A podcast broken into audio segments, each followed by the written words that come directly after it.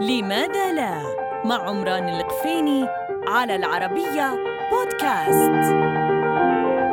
لماذا لا تؤثر علينا الأشعة الضارة من الشمس؟ عزيزي المستمع إن أشعة الشمس التي تصلنا منها المفيد الذي يمنحنا فيتامين د ومنها الضار كالأشعة فوق البنفسجية. إذا كنت تعرف الإجابة لا تغير الموجة واسمع التفاصيل. بفضل الغلاف الجوي.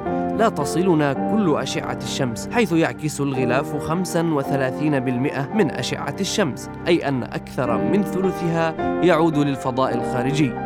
على أن الغلاف يمتص من الأشعة حوالي 17% ومجموع ما يصل الأرض متناثرا لا ضرر فيه بفعل الغيوم وفعل ظاهرة السماء الزرقاء التي تأخذ لونها من تكسر الموجات القصيرة البنفسجية أو الزرقاء يساوي 25% تقريبا.